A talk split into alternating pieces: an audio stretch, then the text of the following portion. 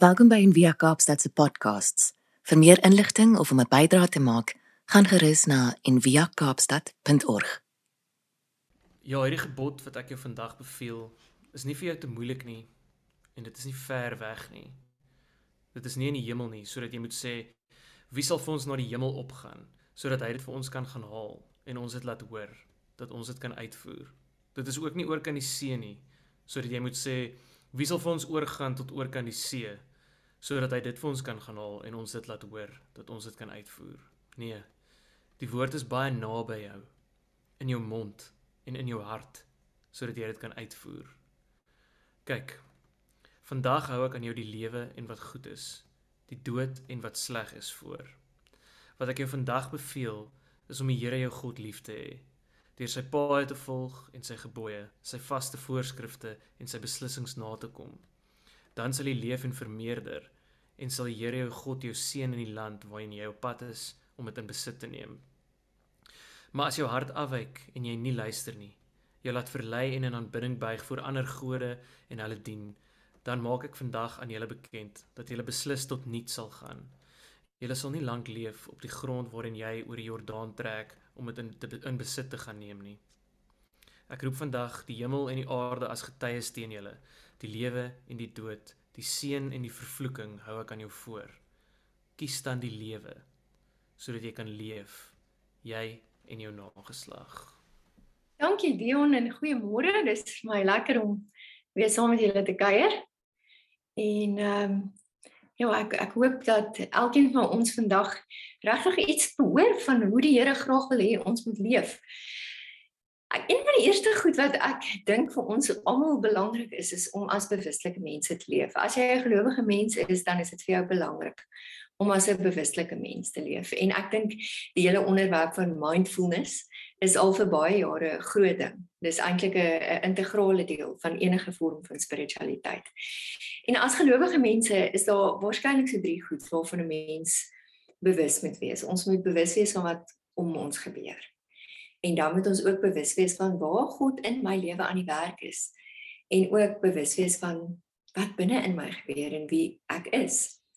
Maar nou is die vraag natuurlik waarom? Hoekom is dit belangrik dat ons sal groei in bewuslikheid en dat ons uh, so 'n bietjie minder in ons koppe wegraak en meer raak sien wat rondom ons gebeur? Ek dink dit is belangrik om in alle opsigte as 'n bewuslike mens te leef, maar As gelowige mense speel bewuslikheid 'n baie spesifieke rol in ons lewe. Een van die redes hoekom ons meer bewustelik wil leef, is sodat ons met groter onderskeiding kan leef. So wanneer ek wil oop wees vir die werk en vir die teenwoordigheid van die Here in my lewe, dan is hierdie prosesse van onderskeiding een van die sentrale geloofsdissiplines in my lewe. So nou is die vraag natuurlik wat is onderskeiding? Waaroor gaan dit? 'n Onderskeiding is is hierdie vermoë om die fyn genuanceerde tekens van my lewe te lees en om saam met die Bybelse woorde en saam met die tradisie waaruit ons kom te soek na die tekens waar God in my lewe aan die werk is of nie.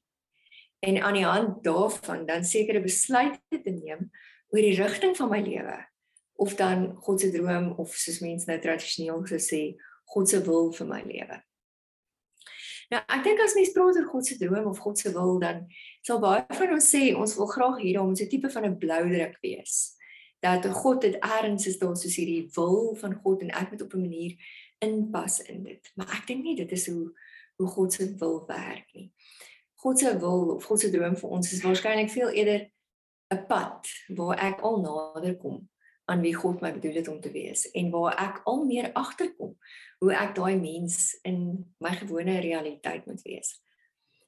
Maar ek gaan dit nie besef as ek nie as 'n bewuslike mens leef nie. As ek my hele lewe soos 'n slaapwandelaar leef en eintlik op autopilot is, dan gaan ek nie hierdie tekens in my lewe lees nie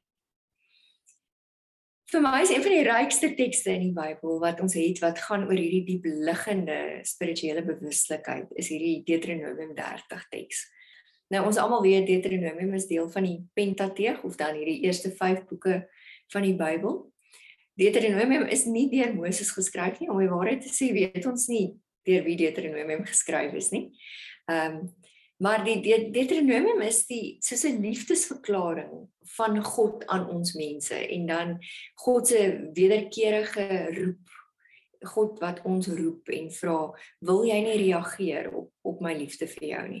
Baie mense dink Deuteronomium is so 'n boek vol wette en ek moet sê as 'n mens nou 'n 'n boek kies in die Bybel om te wil lees om jou te inspireer en jou geestelik te laat groei, dan dink ek nie Deuteronomium is bo is bo aan die lys nie. dis dit. Uh ja, ek weet as jy lanklaas Deuteronomium gelees het en jy gaan kyk weet daarna dan besef mens, "Sjoe, dis 'n harde boek om te lees." Maar Deuteronomium met al hierdie woorde, hierdie toesprake van Moses wat hy dan nou in hierdie laaste been van die swerftog swerftog van Israel deur die woestyn eintlik vir Israel gee en dan begin hy hulle voorberei vir hierdie oorgang wat hulle gaan maak na die beloofde land. So in Deuteronomium nooi Moses Israel om terug te kyk na die verlede om daaruit te leer en om nie dieselfde foute te maak as wat hulle van tevore gemaak het nie om te sien hoe hulle as God se mooi mense kan leef. So 'n appel, 'n baie sterk appel wat op hulle gemaak word om die Here lief te hê en om op 'n sekere manier te leef uit dankbaarheid vir wat hy vir hulle gee en doen. En dan kry ons hierdie woorde van Deuteronomium 30 vers 11 tot 14. Ek gaan dit weer vir ons lees. Waar daar gesê word: "Die gebod wat ek jou vandag beveel, is nie te moeilik vir jou nie. Dis ook nie buite jou bereik nie.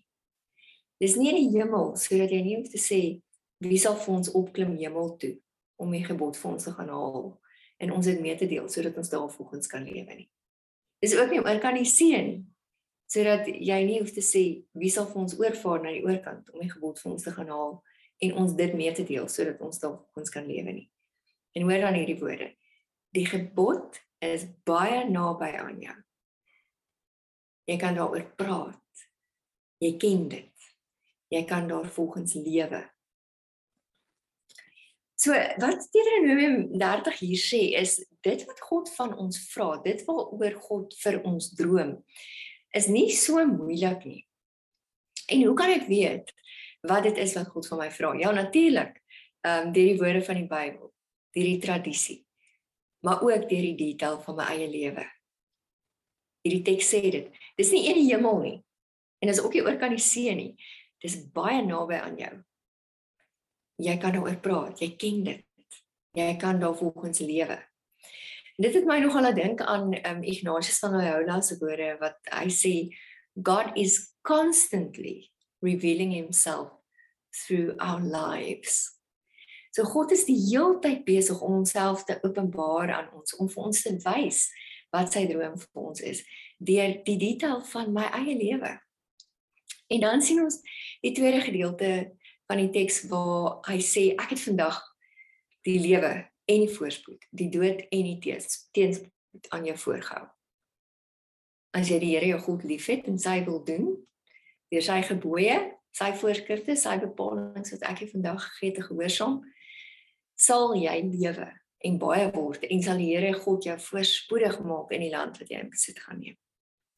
Maar ek verkondig aan julle, as jy van die Here wegdraai en hom nie gehoorsaam nie, en as hy jou laat verlei om ander gode te vereer en te dien, sal julle almal omkom. Sal jy nie lank bly woon in die land wat jy gaan neem, wat die Here vir jou uh, wat jy in besit gaan neem sodra jy deur die Jordaan getrek het nie. Nou in hierdie is tweede gedeelte sien 'n mens dat Moses vir hulle hierdie twee paaie gee. Hy sê die een pad is die pad van die lewe. Waar God vir ons wil leer hoe om al meer in lyn te kom met God se manier van doen.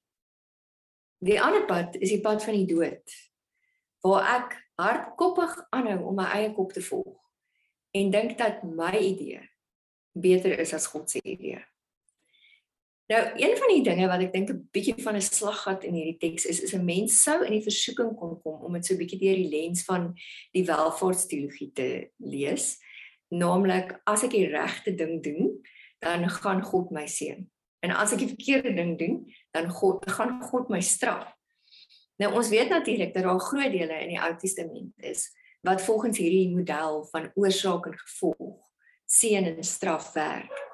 en ek dink dis een van die groot slaggate van die welvaartsteologie is dat ons dink dat God nog steeds met ons mense so werk. So as ons nou regtig wil, dan kan ons nou seker maar Deuteronomium nog steeds so lees. Die dilemma is net dis 'n verskriklike en en 'n vernouende manier van om hierdie teks te lees. So waar hierdie teks in Deuteronomium ten diepste gaan is dit probeer sê daar's sekere keuses en besluite in my lewe wat na 'n oorvloedige lewe lei. En dan is daar ander keuses en besluite in my lewe wat weg van 'n oorvloedige lewe lei. En ek kan self kies om watter pad ek my wil begewe. Dis nogal vir my baie soos daai woorde wat Trevor Hudson graag sê wat hy sê we are free to choose whatever we want. But we are not free from the consequences of our choices. Ja, ek moet vir julle sê hierdie is woorde wat ek al in my lewe gedink het ek wens dit is nie waar nie. Maar dit is ongelukkig. We are free to choose whatever we want. But we are not free from the consequences of our choices. So as ons nou so praat oor hierdie twee paaie, dan kan ek nie eintlik anders as om te dink oor daai baie bekende beeld van die brede en die smalle weg nie. En ek wil vir die jong vra om om dit net vir so 'n oomblik vir ons te wys.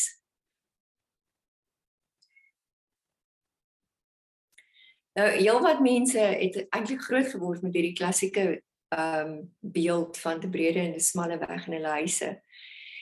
En dis natuurlik gebaseer op hierdie voorstelling in Matteus 7 waar Jesus sê gaan deur die nou poort in. So daar's hierdie pad wat na die verderf lei en hierdie pad is breed en die wat daarin ingaan is baie. Maar die pad wat na die lewe lei is nou. Dit is 'n smal pad en die wat dit kry is min. Nou ek dink julle sien sommer hier op die beeld van die brede en smalle weg. Ehm um, die groot uitnodiging wat sê welkom en hierdie groot breë pad wat sê kom stap op hierdie pad en dis altyd so interessant as mense in die detail jy kan miskien na die tyd hierdie gaan Google en bietjie in die detail inkyk wat se interessante goed het nou in hierdie vroeë 1900 uitbeelding van die breë pad en die smal pad ehm um, wat wat word gewys daar. Maar daai pad is baie direk op pad na die hel en dit is vir my altyd so interessant om te sien daai vlamme van die hel wat nou daar aan die agterkant brand. En as jy nou ehm um, fyn inkyk dan sal jy sien hoe die demone daar opstyg uit die uit die roete in die as van die hel. En dan is die ander ding wat my altyd opval is ehm um, hierdie alsiende oog van God wat daar heel bo in die prent is. En dan natuurlik die smal pad die pad waar daar min mense is en wat nie eintlik lyk na 'n verskriklike opwindende of 'n lekker pad nie. So dis natuurlik gebaseer op 'n baie spesifieke idee. Maar ek dink nie dit is die diepste waaroor hierdie twee paaie gaan nie. Dit dit gaan nie daaroor dat die breë pad is 'n lekker pad en die smal pad is 'n slegte pad en dit vra van jou al hierdie op opoffering nie. Dit gaan daaroor dat 'n sekere soort pad in my lewe my by 'n bestemming uitbring wat ten diepste nie lewegewend is nie. Terwyl 'n ander soort pad lewenspotensiaal en lewe in oorvloed vir my moontlik maak. En dan sê Jesus die wat nie die pad na die lewe kies nie, kies eintlik 'n maklike pad want daar's nie baie opoffering nie. Jy kan daar doen net wat jy wil. Jy hoef nie baie bewustelik of verantwoordelik met jou lewe om te gaan nie. Uh die uiteinde of die unintended outcomes daarvan is baie keer dis destruktief.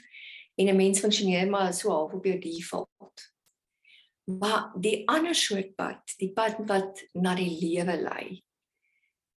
Hierdie poort na hierdie pad is 'n smal pad dis 'n nou poort en die wat dit kry is min. Dis 'n moeiliker pad.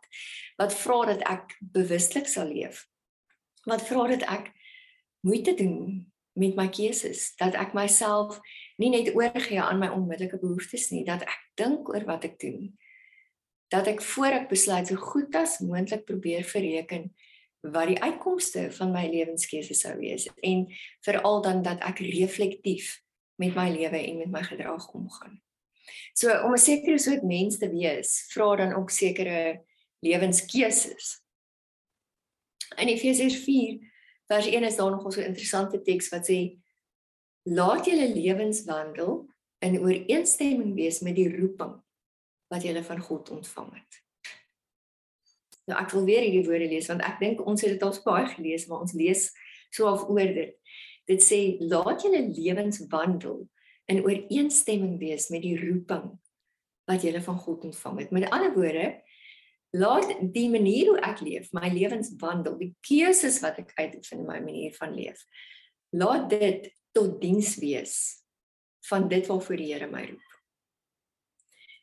Om met ander woorde 'n soort pad te kies of 'n sekere lewenswandel te kies wat eintlik my roeping as God se kind waardig is. So daar is sekere lewenskeuses wat God se droom vir my en my eie droom vir myself gaan in die beer wat dit gaan kortwiek. Terwyl 'n ander soort lewenswandel hierdie groter droom juis gaan help realiseer. 'n Mens sou ook kon sê live a life that is worthy of your calling. Of so Trevor Hudson dit sê God's will is that I live out my little piece of, of his dream with actions that fit the shape of my being. So wanneer ek die pad kies wat na die lewe lei, dan beteken dit dat ek sal moet leer om en hierdie is 'n moeilike ding, dat ek sal moet leer om vir sekere dinge nee te sê. Sodat ek vir ander dinge ja kan sê. Ongelukkig kan ons nie in hierdie opsig ons brood aan alle kante geboter hê nie. Al wil ons dit soms sê, ek kan nie net doen wat ek wil en dan verbaas wees as die uitkoms anders is as dit wat ek eintlik dink ek vir my lewe sou wou sien of wat God vir my lewe droom nie. En dan sien ons hierdie pragtige vers vers 19 wat sê ek roep vandag die hemel en die aarde tot getuie teen julle dat ek die lewe en die dood aan julle voorgehou het die seën en die straf. Kies die lewe sodat jy en jou nageslag kan lewe. Om so te leef is eintlik niks anders as die klassieke geloofsdissipline van onderskeiding nie, soos Ignatius van Loyola ons leer. En dan praat hy van aan die een kant van moments of desolation of moments of consolation and moments of desolation. Moments of consolation is daai momente in my dag of in my lewe waar ek besef dat ek in lyn is met God se bedoeling met my. Dis waar ek hierdie dag naby gevoel het aan God, waar ek eenheid ervaar het met God en met myself en met die mense om my. En aan die ander kant hierdie moments of desolation. Die goed in my lewe wat gebeur en wat ek doen wat nie in lyn is met God se bedoeling met my nie. So dis hierdie oomblikke in my dag waar ek ver van God af gevoel het en waar ek verwydering met God en myself en die mense om my ervaar het. Waar ek dalk gevoel het dat die lewe uit my gesuig word en dat ek op 'n manier doodsheid ervaar het. Nou baie belangrike ding van consolation en desolation is dit gaan nie net oor wat vir my lekker is of wat vir my sleg is nie. Dis te oppervlakkig. Uh baie keer is daai dinge wat vir my nodig is en wat sin gee in my lewe is nie noodwendig lekker nie. Dit gaan oor dit wat my help om in lyn met God se droom te leef. So, hoe leer 'n mens? Hoe leer jy om hierdie oomblikke van vertroosting of consolation of hierdie oomblikke van desolation of verwydering in jou lewe raak te sien? Jy leer dit deur bewuslik te leef. En as ek wil begin om die stem van my eie lewe te hoor, dan moet ek begin om te sien wat besig is om hier rondom my te ontvou. Dan kan ek ook begin sien dat sekere rolle en situasies en verhoudings en mense in my lewe my help om te floreer. Terwyl ander situasies of verhoudings of mense in my lewe my eintlik laat kwyn of my 'n meer ongesonde mens maak. So hoe meer ek bewus word van wat om en in my gebeur, hoe meer kan ek begin bewus word van waar God in my lewe aan die werk is en waarheen hy besig is om my te nooi. En so ontdek ek wat hierdie pad is wat ek moet loop. Dan kom ek agter dat ek in pas kan leef met wie God my bedoel het om te wees en dat ek die seën en die oorvloed op die pad van die lewe begin ontdek. Nie noodwendig as gevolg van my eksterne omstandighede nie, maar omdat dit wat besig is om binne in my te gebeur iets diep liggend lewegewend is. En dis eintlik waaroor hierdie teks in Deuteronomium gaan, oor meer van hierdie diep liggende lewe wat ons by God kan vind. Die resultaat daarvan as ek begin om 'n bewuslike lewe te leef is dat ek ook 'n reflektiewe lewe kan leef. En dis iets waaroor ek verskriklik sterk voel. Uh Trevor Hudson sê graag, "We do not learn from experience. We learn when we reflect on experience." So dink so 'n bietjie vir 'n oomblik. As as jy sê we don't of as ek sê mense we do not learn from experience, dan beteken dit enige ding in jou lewe kan met jou gebeur enige ding kan kan basies met jou gebeur. Goed of sleg, maar as jy nie op 'n manier daaroor reflekteer en sin gee aan dit wat gebeur nie, dan help dit veel. So God ontmoet ons deur elke liewe ding in ons lewe, elke ontmoeting, elke ervaring, elke gebeurtenis. Maar ons kan net onderskei waar God aktief in ons lewe teenwoordig is as ons daaroor reflekteer. Ons sal net weet wat die pad van die lewe en wat die pad van die dood in my spesifieke omstandighede is as ek reflekteer oor wat in my lewe gebeur. En daarom is dit so dat my geloof in die Here my my pad saam met God vra 'n sekere stuk hindsight. Dis amper soos om te sê, ehm um, wat jy as jy die beeld sou gebruik van om in 'n kar te ry. Jy kan nie net deur die vooruit kyk nie. Jy kan nie net vorentoe kyk nie. Jy moet die hele tyd agtertoe kyk. Want dit is deur terug te kyk dat ek kan sien hoe ek opgetree het, dat ek kan sien wat was die lewegewende goed en wat was die goed wat na die dood lei. So dis daar waar ek begin wanneer ek reflekteer oor my lewe dat ek insig kry oor hoekom ek sekere dinge doen. Dat ek kan begin sien dat ek dieselfde foute oor en oor maak.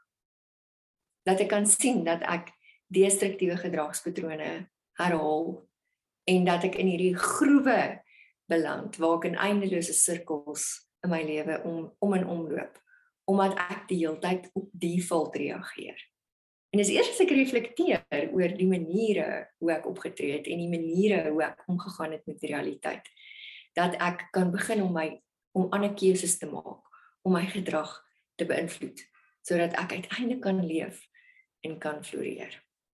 Nou ek dink uh, hierdie prosesse van refleksie is nie altyd maklik nie want ek dink baie van ons probeer soos 'n met in ons spiritualiteit soos 'n huispak wees. Ons wil van 0 na hero gaan binne 3 sekondes. Maar die feit is dis meeste van die tyd pynlik en konfronterend en gevul met vreeslik baie frustrasie en konflik en moeilike gesprekke met die mense in ons lewe. Maar uiteindelik kan dit die pad van die lewe word nadat mens daai issues uitgewerk het. Wanneer hierdie teks van Deuteronomium 30 vandag vir ons hierdie pragtige metafoor gee wat sê ek ek gee vir jou die uitnodiging. Kies die lewe of kies die dood. En ek het vandag vir jou hierdie keuse gegee. Dan is dit ook wat die Here vir elkeen van ons sê. Is hy sê jy kan enige pad kies. Jy kan doen net wat jy wil. Maar daar is 'n sekere soort pad wat na die lewe lei vir jou. En daar is 'n ander soort pad wat na die dood lei vir jou. Watter pad kies jy? Ek wil graag afsluit met um Robert Frost se baie bekende gedig en ek wil graag net vir ons vers 1 en 4 lees. Die gedig se naam is The Road Not Taken. Dit is my altyd aangrypend. Hy skryf two roads diverged in the yellow wood. And sorry I could not travel both. And be one traveler, long I stood and looked down one as far as I could to where it bent in the undergrowth. I shall be telling this with a sigh, somewhere ages and ages hence. Two roads diverged in the wood, and I, I took the one less traveled by. And that has made all the difference. My gebed is dat jy meer en meer die pad sal ontdek en die pad sal kies. Daai pad wat na die lewe lei. Kom ons bid saam.